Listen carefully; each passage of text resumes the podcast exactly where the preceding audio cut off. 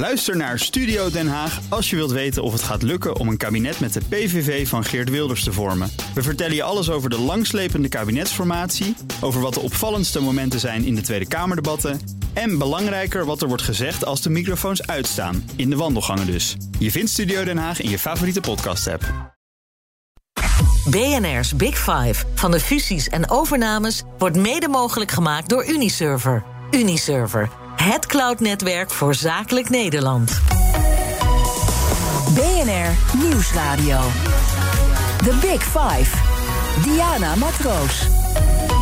Welkom bij BNR's Big Five. Deze week draait het helemaal om fusies en overnames. Een markt in beweging. Eerst zakte deze markt natuurlijk flink in door corona. En als gevolg daarvan kwam er ook weer geruzie over prijzen. Maar de markt komt weer goed op stoom. En waar ik dan heel erg benieuwd naar ben, is welke wereld gaat er achter schuil? Hoe gaat zo'n overname nou achter de schermen? Waar moet je geld op inzetten en waar niet? En voor welke prijs? Kortom, hoe speel je het spel handig? Want je wilt natuurlijk niet de prooi, maar de winnaar zijn. En daarom praat ik deze week met vijf kopstukken uit de fusie- en overnamewereld. En vandaag een heel bijzondere gast, Jan Alberts, oprichter en topman van Alberts Industries. Intussen uitgegroeid tot een beursgenoteerd miljardenbedrijf. En hij deed de ene na de andere overname. En wat opvallend is, een groot deel van die overnames waren ook echt succesvol. En dat bracht hem bijnamen als kralenreiger en overname koning. Welkom, Jan Alberts. Ik zie u een beetje minzaam met de mond. Uh, bij het woordje kraalreiger, overname ja, kraalreiger is natuurlijk wel aardig, maar kraalreiger lijkt dus klein. Klein, alleen maar kleine dingen. En dat is uh, niet waar, want een kraal uh, hoeft niet klein te zijn. En een ketting met grote kralen is er ook. Dus uh, dat, dat moet je niet vergeten. Dus er waren grotere en kleinere overnames in de afgelopen jaren. Ja, en, en, en, heeft dat u misschien soms ook een beetje geïrriteerd... dat dat dan toch steeds weer terugkwam van... Uh, Jan Alberts doet altijd van die kleine dingetjes? Nou, er zijn een aantal dingen die terugkomen. A, het leek net of dat we alleen maar aan het overname waren uh, doen. Dat dat dus de, de groei was van bedrijf. Uh, tweede, uh, dachten ze dat ik dat allemaal deed, alleen. Uh, dat is wel aardig, maar dat is natuurlijk een beetje onzin. Uh, dus alles bij elkaar heeft dat wel vaak uitleg moeten geven. Heb ik moeten geven. Want ja, er werden allerlei dingen gedacht die niet altijd even juist waren. En het is toch wel plezierig om een klein beetje de waarheid op tafel te hebben. Zullen we dat dan gewoon dit uur gaan zullen doen? We, zullen we proberen te doen. Ja. ja. Uh, trouwens, ontzettend fijn dat u er bent. En u vond het ook heel fijn om hier weer naartoe te komen. Want u bent u heel veel geweest. Ik ben hier heel verleden. veel geweest. En ik kom net nog een oude vriend van me tegen. Uh, die, die, die mij vaak geïnterviewd heeft hier. Bas van Werven, mijn collega. Bas, ja. ja. Bas is er elke morgen om zes uur of zoiets, dacht ik, tot negen. Ja. En ik hoor hem tot vaak tien, nog. Tot tien, ja. En, ik, en ik, heb hem, uh, ik heb hem natuurlijk vaak ontmoet omdat hij me interviewde. Ja. Dus dat is heel erg aardig. Het is een mooi begin uh, van deze ochtend. En uh, nogmaals, ik ben heel erg blij dat u bent uh, gekomen. Want ik kijk er naar uit om in gesprek te gaan. En van toch maar even, ik noem het dan toch maar even, overname koning. Om daarvan met z'n allen te leren. Want hoeveel bedrijven heeft u in uw carrière overgenomen? Overigens, u doet het nog steeds hè, via een andere onderneming. wij hebben overgenomen, wij. het is ja. die, die, die het is helemaal aardig om, om er een persoon aan te. Je moet dus wat. Uh, in, in, in, in, in vormen van vaststellen van. Uh, maar er is nooit één persoon die dat doet. Uh, ik denk dat wij toch wel tussen de 60 en, en 80 bedrijven hebben overgenomen. in een periode van een jaar of 20, 30. En kunt u de eerste nog herinneren? De eerste kan ik me heel goed herinneren. De eerste was een. Wij maakten uh, aluminium extrusies, dat zegt niks, maar dat zijn profieltjes, aluminium profieltjes, die, die werden gebruikt voor het maken van uh, uh, karretjes in vliegtuigen. Kellys. En uh, Kellys ook. En, en daar zaten allemaal platen tussen, tussen die profieltjes. Ja. En die platen waren sandwichpanelen. En die waren opgebouwd uit een buitenkant en een honeycomb, honeyraad aan de binnenkant. Toen dacht ik, als ik die profieltjes maak, dan kan ik misschien ook wel panelen maken. Uh, daar, dat is nog veel leuker, want dan maak ik misschien wel bijna een hele kar. Ja.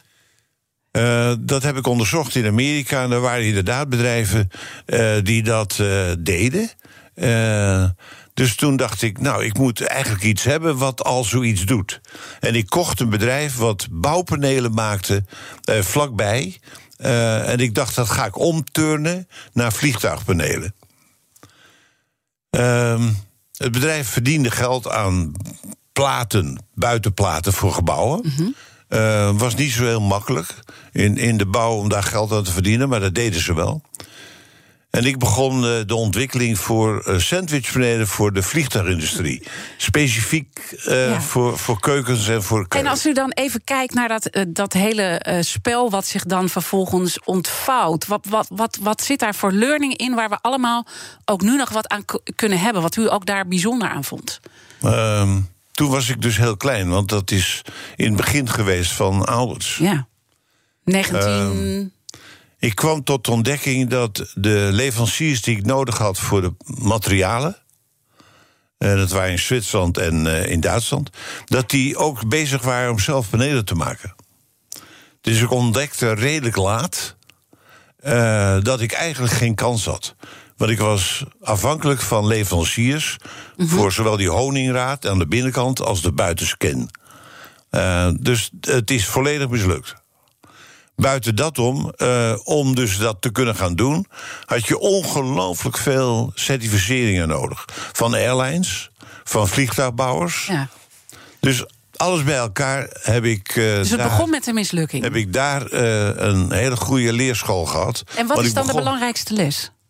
De belangrijkste les is dat je toch wat verder moet onderzoeken.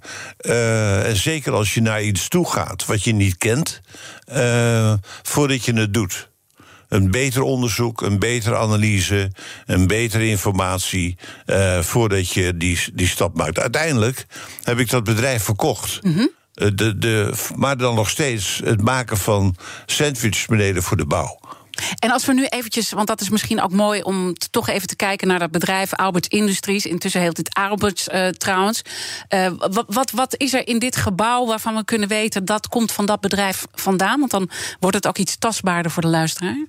Uh, er is uh, geen water- of gasleiding die mogelijkerwijs niet verbonden is of aan elkaar gebonden is met fittingen van Alberts of ja. afsluiters. En ook de bierpomp, hè? Die kan ook ja, niet zonder Alberts. Nee, die hebben wij die hier niet. Ja, in het.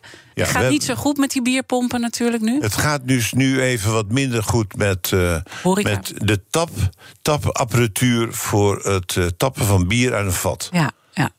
U heeft dus ontzettend veel overnames uh, gedaan en doet dat nog steeds. Uh, want u bent nu wat meer op afstand. U bent nu Ik ben, al zes, ik, ben al, ik ben de grootste aandeelhouder, Ja. maar ik ben al zes, zeven jaar weg Ja. van Alberts. Maar u investeert NV. wel eh, via Albert Investments. Eh, investeert u nog wel en doet u ook al- allemaal eh, overnames. Vindt u nou, als u ook terugkijkt op al die overnames en wat, waar u nu nog steeds mee bezig bent, vindt u het nou leuk om te doen? Ehm, als je het leuk vindt, wordt het gevaarlijk.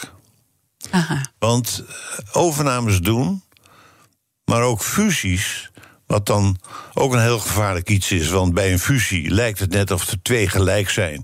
Maar er moet altijd toch wel één zijn die dus de leiding neemt. En bij overnames kun je behoorlijke fouten maken. En eh, ik heb ook eh, vaak gehad beleggers die bij me kwamen. Die zeiden: luister, bij u ga ik nooit investeren, want u doet overnames. Toen zei ik, hoezo dan? Nou, eh we hebben zoveel ellende meegemaakt bij bedrijven die dat deden...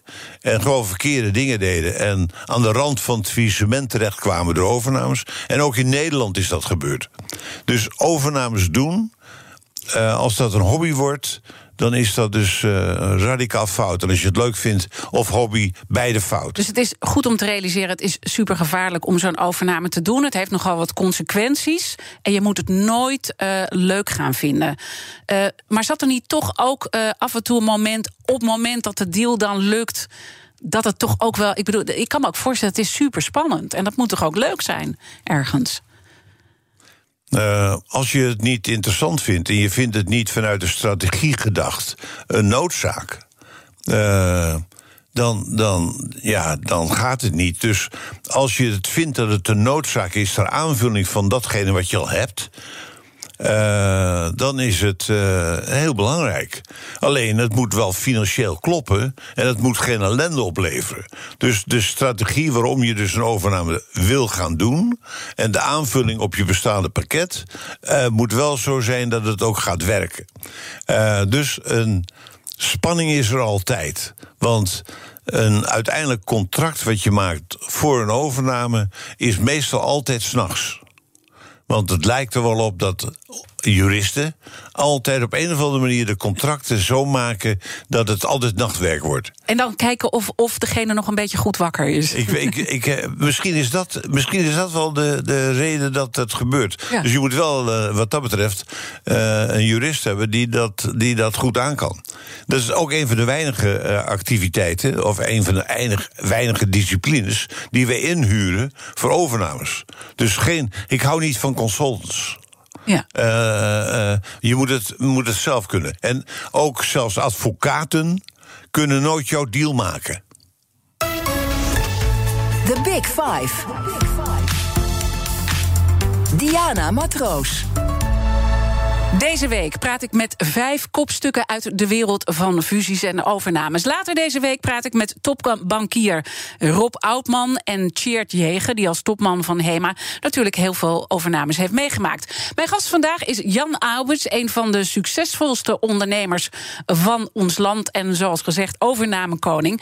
En het is misschien mooi, want we kwamen op dit moment ook bij het hele team wat betrokken is bij uh, zo'n overname. U noemde daarbij uh, de advocaat. Nou, ik had gisteren zo'n topadvocaat uh, in de uitzending. En we hebben de kettingvraag. Arne Grimme, uh, hij is van de Brouw, hoofdafdeling fusies en overnames, had deze vraag voor u. Nou, Jan Albert staat er bekend om dat hij jarenlang een overnamemachine heeft gerund. En hij staat er ook bekend dat hij een kleine hoofdkantoor uh, had. En dat hij dat eigenlijk het liefst zonder al te veel adviseurs en zonder veel toeters en bellen deed, die overnames.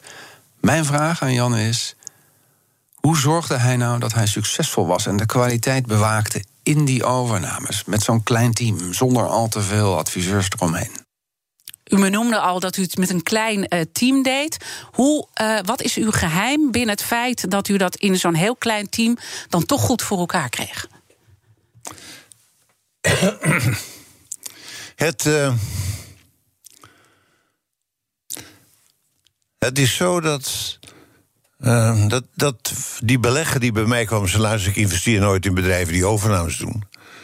Uh, heb ik wel gevraagd, waarom ben je dan? Hij zegt, ik ben verbaasd over het feit dat u die overnames die u doet... dat er zoveel groei erbij zijn. Zoveel, de, de, de, het bedrijf gaat hartstikke goed... en die overnames die u doet, die gaan ook goed. Terwijl het normaal gesproken fout gaat. Wij hebben nooit naar dingen gekeken om te diversificeren in de zin van we gaan nu uh, met onze technische producten, bewijs van spreken, snoepjes maken. Dus alles waar we naar keken in vormen van overnames en nog, uh, is een aanvulling op datgene wat je al doet. Dat betekent dat de kennis van zo'n bedrijf, de productiemethodes, het product, de markt waar ze in zitten, uh, ook zelfs de financiën, die je redelijk kan vergelijken met je eigen activiteiten. Uh, er zijn heel veel dingen die je dus kunt gebruiken ter beoordeling van zo'n mogelijke acquisitie. En ook de mensen die erbij betrokken zijn, de CFO, heel belangrijk de financiële man. Maar ook als je een groep hebt dat het management van een bedrijf wat vergelijkbaar is, maar toch andere producten maakt, uh, dat die daar meedoet en meekijkt. Uh, en dan krijg je de topholding management die daar zeker de, uiteindelijk de beslissing neemt. Dus u zegt in eerste instantie, want ik denk dat dat een, een hele belangrijke is... schoenmaker blijft bij je leest. En soms gaan mensen misschien allerlei dingen eromheen doen... maar u heeft altijd gekozen uh, toegevoegde waarde... op hetgeen waar je al verstand van hebt. Ja, terwijl, terwijl er in uh, private equity en in participatiemaatschappijen... die dus deelnemen in bedrijven, dat totaal niet belangrijk is... Die hebben ook niet een strategie van we gaan er in de komende jaren een groter bedrijf van bouwen. Maar die hebben de strategie hoe kunnen wij binnen drie tot vijf jaar bijvoorbeeld geld verdienen met zo'n overname. Ja. Dus dat is een totaal andere wereld. En, kun je niet dat, met doel elkaar had u, dat doel had u nooit voor ogen. U wilde gewoon de grootste worden binnen de markt, nummer één. En daar hadden al die aankopen mee te maken. Ik wilde de nummer 1 worden in de wereld. Wereld, want dat had ik eens een keer gelezen dat Jack Welch van eh, General Electric dat eh, ook wilde. Nou, dat is een beetje onzin. Maar eh, het was wel de reden omdat we waar we zaten en wat we deden, dat we dat wilden vergroten. Zowel in landen waar we niet waren, met een mogelijke productie in zo'n land.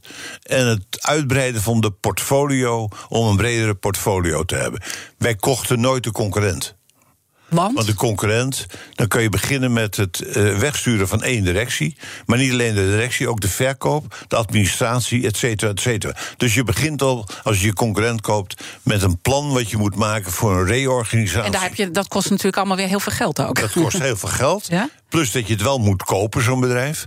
En het kost heel veel energie en, en tijd. En je moet er maar afwachten of je de juiste mensen eruit gooit. Ja. Of dat je. Of nog leuker, dat je de goede behoudt. En zit daar niet. ook een gedachte achter, even los van de reorganisatie, maar dat je geen concurrent koopt, eh, dat ook je klanten daar mogelijk wel wat van kunnen vinden?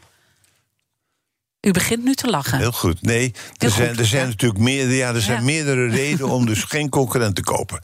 Eh, ik, ik noemde net deze, Mhm. maar een heel belangrijk is zeker ook eh, de markt. De, de markt kocht van twee leveranciers en is nu ineens eh, wordt geconfronteerd met één leverancier, want men heeft elkaar overgenomen. Ehm, en, en dat betekent dat die klant, die markt, mogelijkerwijs gaat zoeken naar eventueel een tweede leverancier, maar niet bij een van deze twee die bij elkaar gekomen zijn. En dat is, dat is ook een gevaar. Dus dat zijn allemaal stappen eh, waar je rekening eh, mee moet houden. Maakt het nog uit of je in een sellers- of een buyers market zit? En u moet Dat heel maakt. lang nadenken. Ik, ja, dat komt omdat eh, wij nooit eh, als principe dachten we kopen om te verkopen. Wat ik net zei, eigenlijk wat er gebeurt met private equity of met eh, venture capital. eh, Mhm. Wat, wat vindt u eigenlijk van private equity? Dat die een totaal andere motivatie hebben om zo'n overname te doen? Ik moet zeggen dat ik daar heel erg op tegen was. Maar hier en daar zie ik toch bepaalde dingen die ontstaan zijn. Waardoor het bedrijf verbeterd is door datgene wat er gebeurd is met private equity. Maar private equity koopt en verkoopt. En degene die het geld verstrekken aan private equity, die verwachten daar een rendement. Private equity heeft ook heel veel geld. Ja, En zeker krijgt nu. heel hè? veel geld nu. van derden. Ja, ja. Of het nou verzekeraars zijn of pensioenfondsen of wat dan ook. Want er is natuurlijk veel kritiek ook vaak in de maatschappij. Van, hè, de, de, consument wordt er uiteindelijk niet beter van. Van al die eh, overnames. Alleen die, die, die private equity partij wordt er uiteindelijk beter van. Het bedrijf wordt er misschien ook niet beter van. En sterker nog, er is dan ook nog wel eens kritiek van alles gaat maar naar het eh, moeten oppassen dat we niet onze iconen kwijtraken aan het buitenland. Hoe kijkt u naar dat soort kritiek? Eh, u, u krijgt, u krijgt de directie van HEMA hier. Ja, Nou, dat is een heel goeie. Ja. Want daar kunt u eigenlijk dit eh, heel goed mee bespreken. Want in ieder geval HEMA als groep Mhm. heeft, eh, maar ook V&D die er niet meer is... ehm, heeft een grote ervaring met de negatieve effecten van private equity. ja. Die heb ik ook wel een klein beetje met het feit dat ik commissaris was bij Stork. Eh, en dat ik dus ook andere ervaringen nog heb. Maar, maar zij weten het echt. Ja, ja.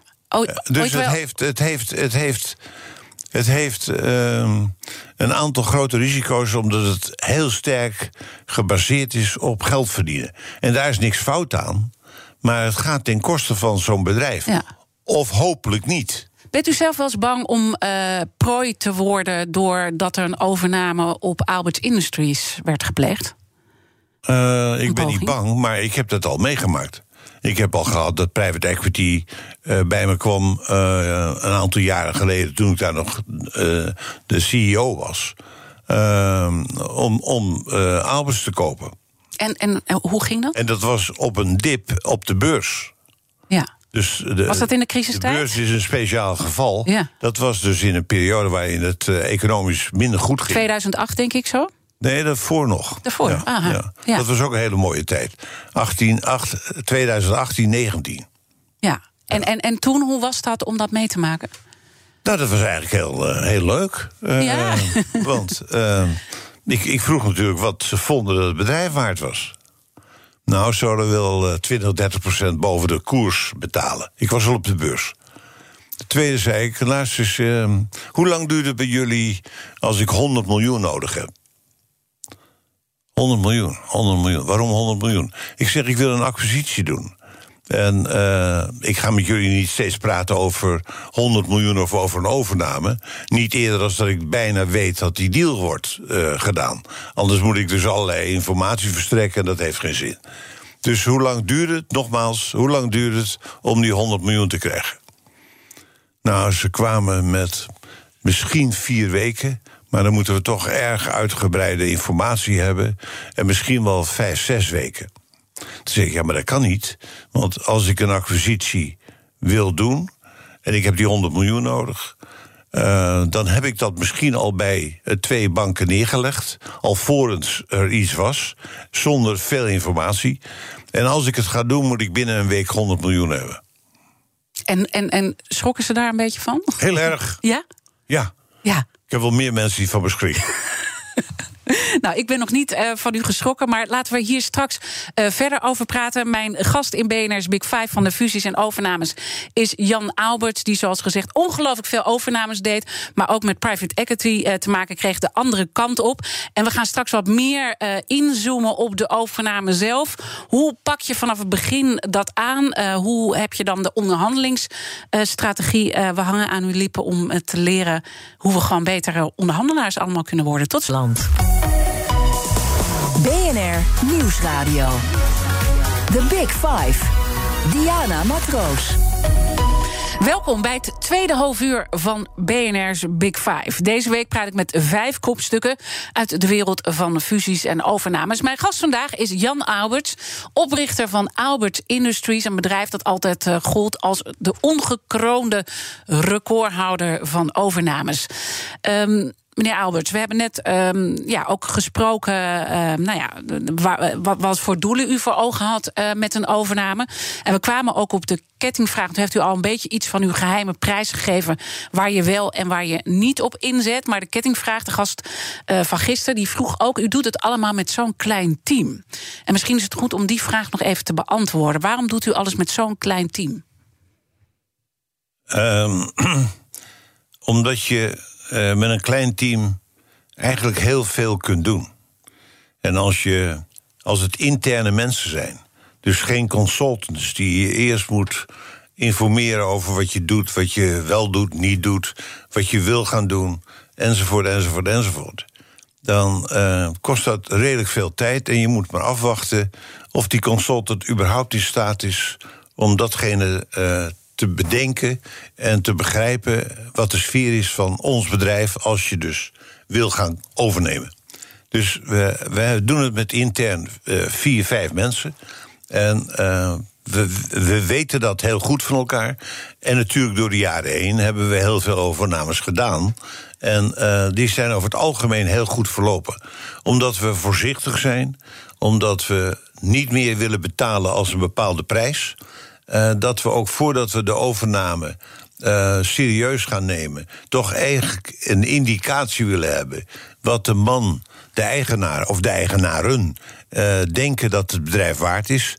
En is dat 100 en wij denken zelf als eerste indicatie van cijfers die we hebben en misschien een bezoek dat het niet meer als 50 kan zijn en misschien een beetje meer of een beetje minder, dan houdt het gesprek op. Dus de de, de, aanpak is met vier, vijf mensen. En uh, die is heel belangrijk op techniek, op financiën, op markt. Maar ook op het beoordelen. En dat is een heel belangrijke. van de mensen die daar het bedrijf runnen. Want wij zeggen altijd tegen de eigenaar: als je je bedrijf wil verkopen. dan willen we zeker dat je twee jaar blijft. En soms hebben we een beetje spijt. Omdat het misschien eigenlijk voor de man heel moeilijk is om te continueren in een andere situatie waarin hij niet meer alles kan vertellen. Maar in het algemeen is het toch heel belangrijk. Want hij kent alle mensen. Hij kent zijn klanten. Hij kent zijn accountant. Hij kent dus het hele bedrijf. En wij als nieuweling hebben een aantal dingen gedaan. maar weten toch nooit precies alles. Want de morning after is altijd mogelijkerwijs aanwezig. Dus, de, Dus die mensen daar in dat, in dat hele verhaal zijn super belangrijk. Het talent wat daar al binnen de organisatie Juist, dat is rondloopt. heel belangrijk. En dan onze mensen die daar eh, een goede visie over hebben. En daar een beoordeling, eh, dat met elkaar. Plus Mhm. Ja. natuurlijk de financiën. eh, geeft uiteindelijk de, de mogelijkheid om dus de deal te sluiten. als je met elkaar rondkomt. Maar Dat- eh, toch nog even één stap terug. Hè. Dus, dus we zien, hè, want we hadden, ik ben maandag ben ik begonnen met overname professor Schenk, die al jarenlang fusies en overnames onderzoekt. Ook als het gaat om beursgenoteerde bedrijven. Nou, Alberts is intussen ook natuurlijk een beursgenoteerd miljardenbedrijf. En hij zegt overnames mislukken eh, heel vaak en fusies eh, ook. Als je kijkt op de lange termijn. Heeft dat dan toch ook ermee te maken met al die consultants die natuurlijk ook allemaal heel veel geld kosten? Eh, dat dat eigenlijk het succes voor een overname verkleint? Of kan ik dat niet zo concluderen? Eh, ik zou, zijn, ik zou de consultants niet de schuld willen geven. Van uiteindelijk is het bedrijf zelf verantwoordelijk. En eh, volgt een consultant of niet. Dus eh, eh, als, het, als het zo is dat consultants en juristen het gaan overnemen en die gaan dus de deal maken, dan komt er echt niks van terecht. Want dan weet het bedrijf niet eens wat ze bij wijze van spreken gekocht hebben. Dus eh, nee, dat, dat is niet. Het is niet zo dat. eh, Maar het is wel eh, belangrijk dat je dus een, een team klein houdt. als Dat zegt de, u wel. Als je de mensen die daar zitten. niet begrijpt en ze eigenlijk een aantal dingen vertelt wat je wil gaan doen na de overname. En maakt dat niet te rooskleurig, maar in ieder geval realistisch. En misschien hier en daar nog wat negatiever. Mhm. Want tel- teleurstellingen na de overname. Er is namelijk nadat je die overname gedaan hebt. nog veel meer werk als die overname. ja, er is Want altijd als- een morning after. Als het, daar, als het daar niet, ja precies. Als het daar niet heel goed loopt, omdat je van tevoren niet goed hebt in kunnen schatten hoe het in elkaar zit. En dan nog kan je te- met ver- ver- ver- bepaalde dingen komen waar je niet van wist dat ze er waren. Dan, dan lukt het niet. Ja. Het is niet makkelijk. Nee, het, het, het klinkt zo makkelijk, maar daar verslikken mensen zich dus dan eh, in en bedrijven. Eh, op het moment, eh, u kijkt natuurlijk naar heel veel bedrijven en dan je, je kijkt misschien naar tien en je gaat uiteindelijk met één in zee. Moet ik het me zo voorstellen, zoiets? Ja, Ja, ja, ja. En op het moment dat je denkt, ja, die, die wil ik hebben. En Hoe die gaat tien, dat? en die Ja? Die, daar kijk je niet alleen naar als dat je een briefje krijgt dat het bedrijf te koop is. Maar dan ga je zelfs nog wat verder om te onderzoeken wat er nou achter zit, enzovoort, enzovoort. Dus je gaat daar veel tijd aan besteden ook. Je gaat er dus gesprek? tijd aan spanderen. Anders kun je niet zeggen dat. En dan krijg je daarnaast nog een heleboel die gewoon helemaal niet passen. Ja, dus maar, dat en is met wie praat u dan? Met wie, want, want nu komen we een beetje in. Met de, vier, met de vier mensen, vijf mensen, Ja. intern. Ja, En dan, dan daar kijk dan ga je naar. dus het marktonderzoek eh, doen. Dan, dan ga doe je het een en ander. En misschien dat je ook een gesprek hebt met het management. Wat zich mogelijkerwijs aan je wil verkopen. Of verplicht is aan je te verkopen, omdat aandeelhouders het willen. Ja, en hoe gaat dan vervolgens op het moment dat je denkt, ja, dit, deze wil ik hebben, en daar, hier zit potentie in. Ja. Hoe speel je dan dat spel? En ik bedoel, spel niet eh, eh, op een vervelende manier, maar er zit natuurlijk een heel spel en een hele Het spel onderhandeling. is achter. dat de beide kanten de zin moeten zien van mogelijkerwijs de overname. Het bedrijf wat we willen overnemen heeft enorme voordelen aan het feit dat ze overgenomen worden door ons. Laten we zeggen dat het bedrijf mogelijk Ja. aan heel wat mensen verkocht kan worden. En als het puur alleen prijs is, denk ik, vallen wij altijd af. Val ik altijd af. Maar eh, prijs is niet onbelangrijk. Maar er moet meer zijn als dat. Dus ehm, ja, daar zit het eigenlijk. Ja, Het- dat is het een belangrijke zit kern. in- het zit heel sterk In de mensen in, dus. in de mensen. En, en, dus en hoe je- toetst u dat dan? Hoe toetst u dat? Nou ja, je krijgt wel een beetje ervaring met het beoordelen van, eh, van managers Ja. en mensen. Ja, maar, maar help ons even voor degenen die daar nog minder ervaring mee hebben. Wat, wat, wat zijn dingen waarvan u denkt: ja, dit is een goede manager? Deze, de, Dat, hier dat, aan. dat weet ik ook nooit 100%. Nee, je maakt ook wel Eh, fouten. want ik score misschien eh 70, maar 30 zit ik fout. Ja, Dus ik denk dat het goed is en het is niet goed. Ik heb ook wel eens dat ik denk dat het niet goed is en dat het goed is. Dus, Ja. dus in die en waar richting. ligt dat dan aan? Uh, dat, ja, dat is toch een belangrijk deel. Uh, ze zeggen wel eens: als je wat ouder wordt, uh, is het slechter als je wat ouder wordt, heb je ook wat meer ervaring. Dus je hebt ook een betere mogelijkheid om mensen te kunnen beoordelen. Mhm. En, en uh, je beoordeelt eigenlijk elke dag mensen. Want wij als bedrijf hadden eigen mensen. En je hebt je eigen organisatie. Dus je bent constant bezig met onder andere de kwaliteit van je eigen mensen. Ja. Bij een overname doe maar, je eigenlijk maar, hetzelfde. Maar zijn er bepaalde aspecten toch, met al uw ervaring, uh, om het toch iets concreter te maken en ons ook allemaal te helpen waar u op let? Want iedereen. Ik vraag, ik Ja. vraag aan de management vaak een aantal malen over hetzelfde onderwerp. Niet op dezelfde dag, maar in de periode van het feit dat ik dus dan bezig ben, of wij bezig zijn met zo'n overname. En dat moet dan wel steeds kloppen. Ah, dus als daar, daar een totaal ander verhaal opeens komt of een er nuanceverschil. een duidelijk ander verhaal u, is, hmm. dan denk ik, wat zal er nog meer anders zijn? Dus heel vaak dezelfde vraag stellen.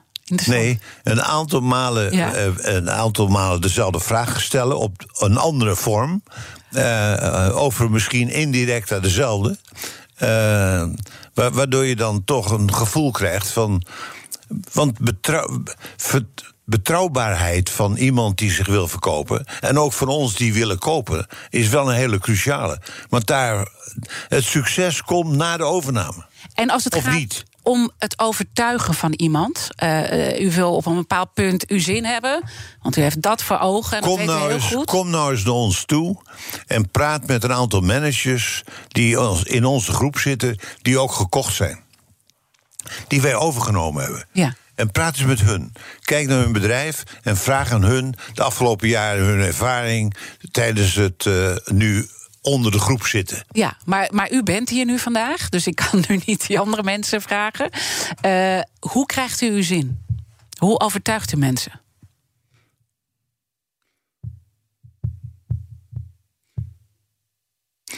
Ehm, ik, ik denk toch eh, met, een, eh, met een eigen visie en het geloof dat het werkelijk heel goed is als dat bedrijf zich aansluit bij ons. En dat voor ons het heel goed is dat dat bedrijf zich aansluit. En dat is toch een beetje misschien overtuiging van degene die uiteindelijk de deal moet maken. Want uiteindelijk na alle onderzoek en alles wie erbij betrokken is, is het toch eh, de top van het management die de deal maakt. Maar niet zomaar. BNR Nieuwsradio. The Big Five. Diana Matroos. Je luistert naar BNR's Big Five van de fusies en overnames. Mijn gast is Jan Alberts, ondernemer puur zang. Eh, we hebben vooral over successen gesproken. Ook wel heel eh, nou ja, kort aangestipt dat u ook wel eens een, een, een, ja, een mislukking eh, meemaakte. Misschien eh 30 procent. Zat er daar een bepaalde kern in wanneer het dan misging? Nee, geen 30 procent. Oh. Het beoordelen van mensen, daar zit ik eh, zeker 30 procent fout. Oké, Oftewel 70 procent goed. ja. En als het gaat om overnames? En als je overnames doet, is 30 procent te veel. Eh, daar mag maar een paar procent fout zijn. Want anders gaat het ten koste van je bedrijf... in plaats van dat het een versterking is. Ja. En, en, Dus- en, en als u dan, heeft u dan wel spijt gehad van een overname? Er zijn wel eens dingen geweest die mij tegenvielen, ja. Eh, Kunt u een er zijn ook wel eens dingen die we gestopt zijn. Maar niet zoveel. Nee, maar kunt u het voorbeeld geven waar het dan misging en wat u dan tegenviel? Nou ja, dat is nog niet eens helemaal mis. Ik koop, eh, we kopen eh, voor 300 miljoen euro eh, een aantal bedrijven. En ik leen 300 miljoen bij banken. Eh, binnen 24 uur kreeg ik die 300 miljoen. En ik koop die bedrijven. En dat is 2007, 2006. En ik doe dat puur met leningen en niet met equity, niet met eigen vermogen. Wat ik achteraf wel had moeten doen. En in 2008, 2009 word ik geconfronteerd met een enorme crash eigenlijk. Niet ik, En niet wij alleen, maar de hele wereld bijna. Ja, dat is eigenlijk de situatie waar we nu in zitten. Ja. En de winsten die ik had gepland en de ratio's op mijn balans vanuit goede resultaten, zowel van de acquisities als van onszelf, kwamen niet uit. en dat doet dan pijn. En toen zat ik ineens met banken. En toen heb ik ineens banken leren kennen. Inmiddels zijn het mijn vrienden weer, maar dat was een hele onplezierige situatie.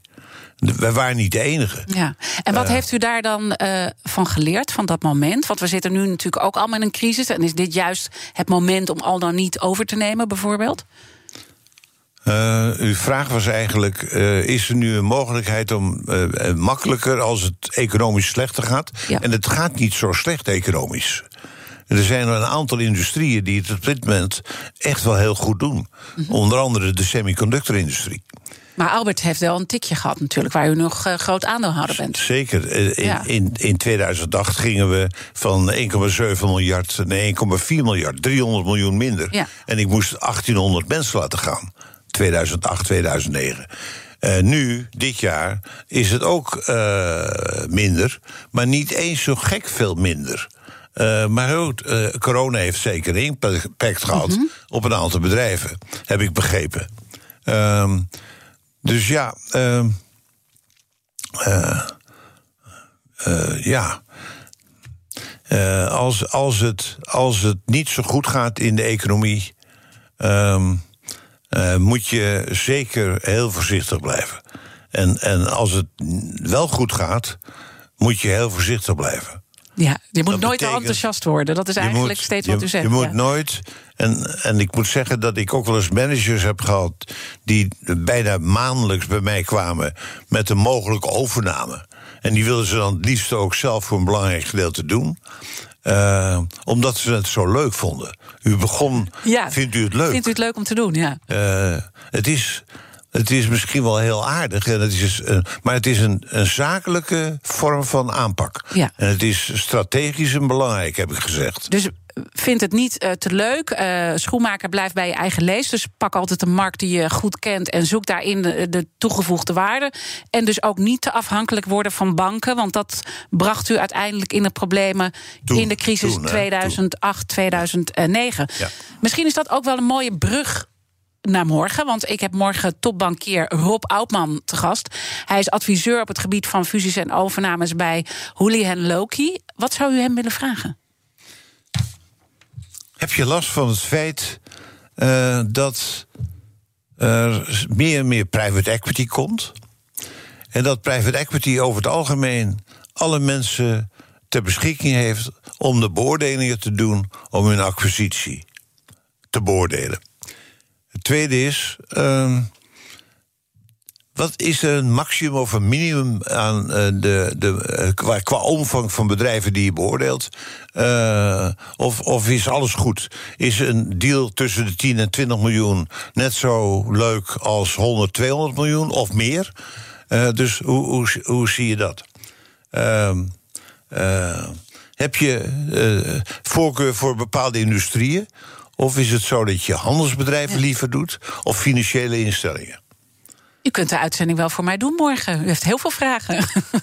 Dan hou je nu op. nou ja, tenzij er nog een briljante vraag nu, nu over is. Nou, een, een bela- be- belangrijke is natuurlijk... het is allemaal leuk en aardig dat je adviseert... maar regel je ook het geld? Met andere woorden, waar komt het geld vandaan? Bij banken? Heb je een goede samenwerking met banken? Of hoe zit dat? Oké, ik ga dat allemaal eh, morgen aan hem vragen. Als u nou kijkt, hè, want u loopt zo ongelooflijk lang mee. U begon uw carrière in een heel bijzondere tijd. 1975, toen was ondernemer nog een besmet woord. U verdiende trouwens minder dan uw medewerkers in die tijd. Die is twee jaar niet. Gewoon helemaal niet. Nou. Nee. Ehm, en het was de sport om het echt was, een mooi het was bedrijf te maken. economische crisis. Toen begon 75. u. Ja, Hoe kan je dat doen? ja, werd er toen gezegd. Ja, en als u dan kijkt naar nu in de wereld waar we eh, nu eh, leven, wat, wat, en ook naar die fusie- en overnamewereld, wat, wat is dan echt de belangrijkste verandering die u ziet? Het is, eh, het is een dagelijkse kost dat er overnames worden gedaan. Er zijn adviseurs, consultants, banken. er zijn heel veel mensen die zich bezighouden met allerlei vormen van deze tak van sport. Uh, nou, dan, dan heb je zeker private equity, wat ik eerder noemde, die daar zeer actief in is. Uh, en ook vaak prijsbepalend is voor acquisities die ze doen. En vaak wel dat het voor de industrie niet mogelijk is om een bedrijf te kopen, omdat private equity meer geld biedt. Dus uh, er is. Er is het is een professionele industrie geworden ten opzichte van wat het was. En maakt het dan, dan eigenlijk moeilijker voor een ondernemer om daarin te opereren? Het maakt het professioneler. En er blijft altijd toch niet alleen geld, maar er blijft ook altijd nog de, de mens, de persoon, de beoordeling aan beide kanten. Uh, van datgene wat je zakelijk doet. Mm -hmm. Maar ik zit dan te denken, is professioneler altijd per definitie dan beter? Want op het moment dat het allemaal wat uh, nou, minder gestroomd lijnt, wat minder professioneel is, kan je als je goed bent, er natuurlijk wel makkelijker je voordeel halen. Ja, maar de verkopende partij moet eigenlijk ook professioneel zijn. Ik heb wel uh, bepaalde bedrijven gehad waarvan ik vond dat het bedrijf niet voldoende professionele adviseurs had. Dus in die zin brengt private equity eigenlijk wat goeds voor deze fusie- en overnamewereld? Nee, dat, dat, dat mag ik dan ook weer niet zeggen. Anders. dat is weer wat anders. Maar de, dat ik zei, luister neem die en die mensen ter advisering. Want ik wil later niet horen van je uh, dat je niet hebt geweten waar we mee bezig waren, omdat je die kennis niet had. Ja. Dus neem van jouw kant ook adviseurs. Nou bent u, uh, ik zie al, uh, dit, dit is dramatisch, want het uur is alweer voorbij. En ik had nog zo graag uh, verder willen praten. Maar u bent natuurlijk ver over de gepensioneerd, pensioengerechtigde leeftijd. U blijft volgens mij genieten van dat bedrijfsleven en ermee bezig zijn. Hè? Dat is waar. Ja, waar zit, het, waar zit dat hem in? Ja, dat is denk ik. Of ik weet het eigenlijk wel. Dat het heel leuk is, is om ergens succes van te maken. Om wat er is, om het beter te doen. Het is nooit eigenlijk goed genoeg. Het is constant een vorm van uitdaging waarin je, waarin je jezelf eigenlijk de lat hoger legt en waarin je jezelf uitdaagt om het beter te doen. Kijk, uh, dat is dus... een mooie slotles, denk ik, voor ons allemaal. Om die ook in gedachten uh, mee te nemen. Heel erg dank, uh, Jan Aarts, dat u hier wilde zijn vandaag bij BNR. En natuurlijk zijn alle afleveringen van BNR's Big Five zoals altijd terug te luisteren. Je vindt de podcast in de BNR-app en natuurlijk op bnr.nl. Maar straks Iwan Verrips met BNR Breek. Dus blijf de hele dag live hier bij BNR. Ik wens iedereen een mooie dag. BNR's Big Five. Van de fusies en overnames wordt mede mogelijk gemaakt door Uniserver. Uniserver, het cloudnetwerk voor zakelijk Nederland. Ook Bas van Werven vind je in de BNR-app. Ja, je kunt live naar mij en Iwan luisteren tijdens de ochtendspits. Je krijgt een melding van Breaking News. En niet alleen onze podcast Ochtendnieuws, maar alle BNR-podcasts vind je in de app. Download nu de gratis BNR-app en blijf scherp.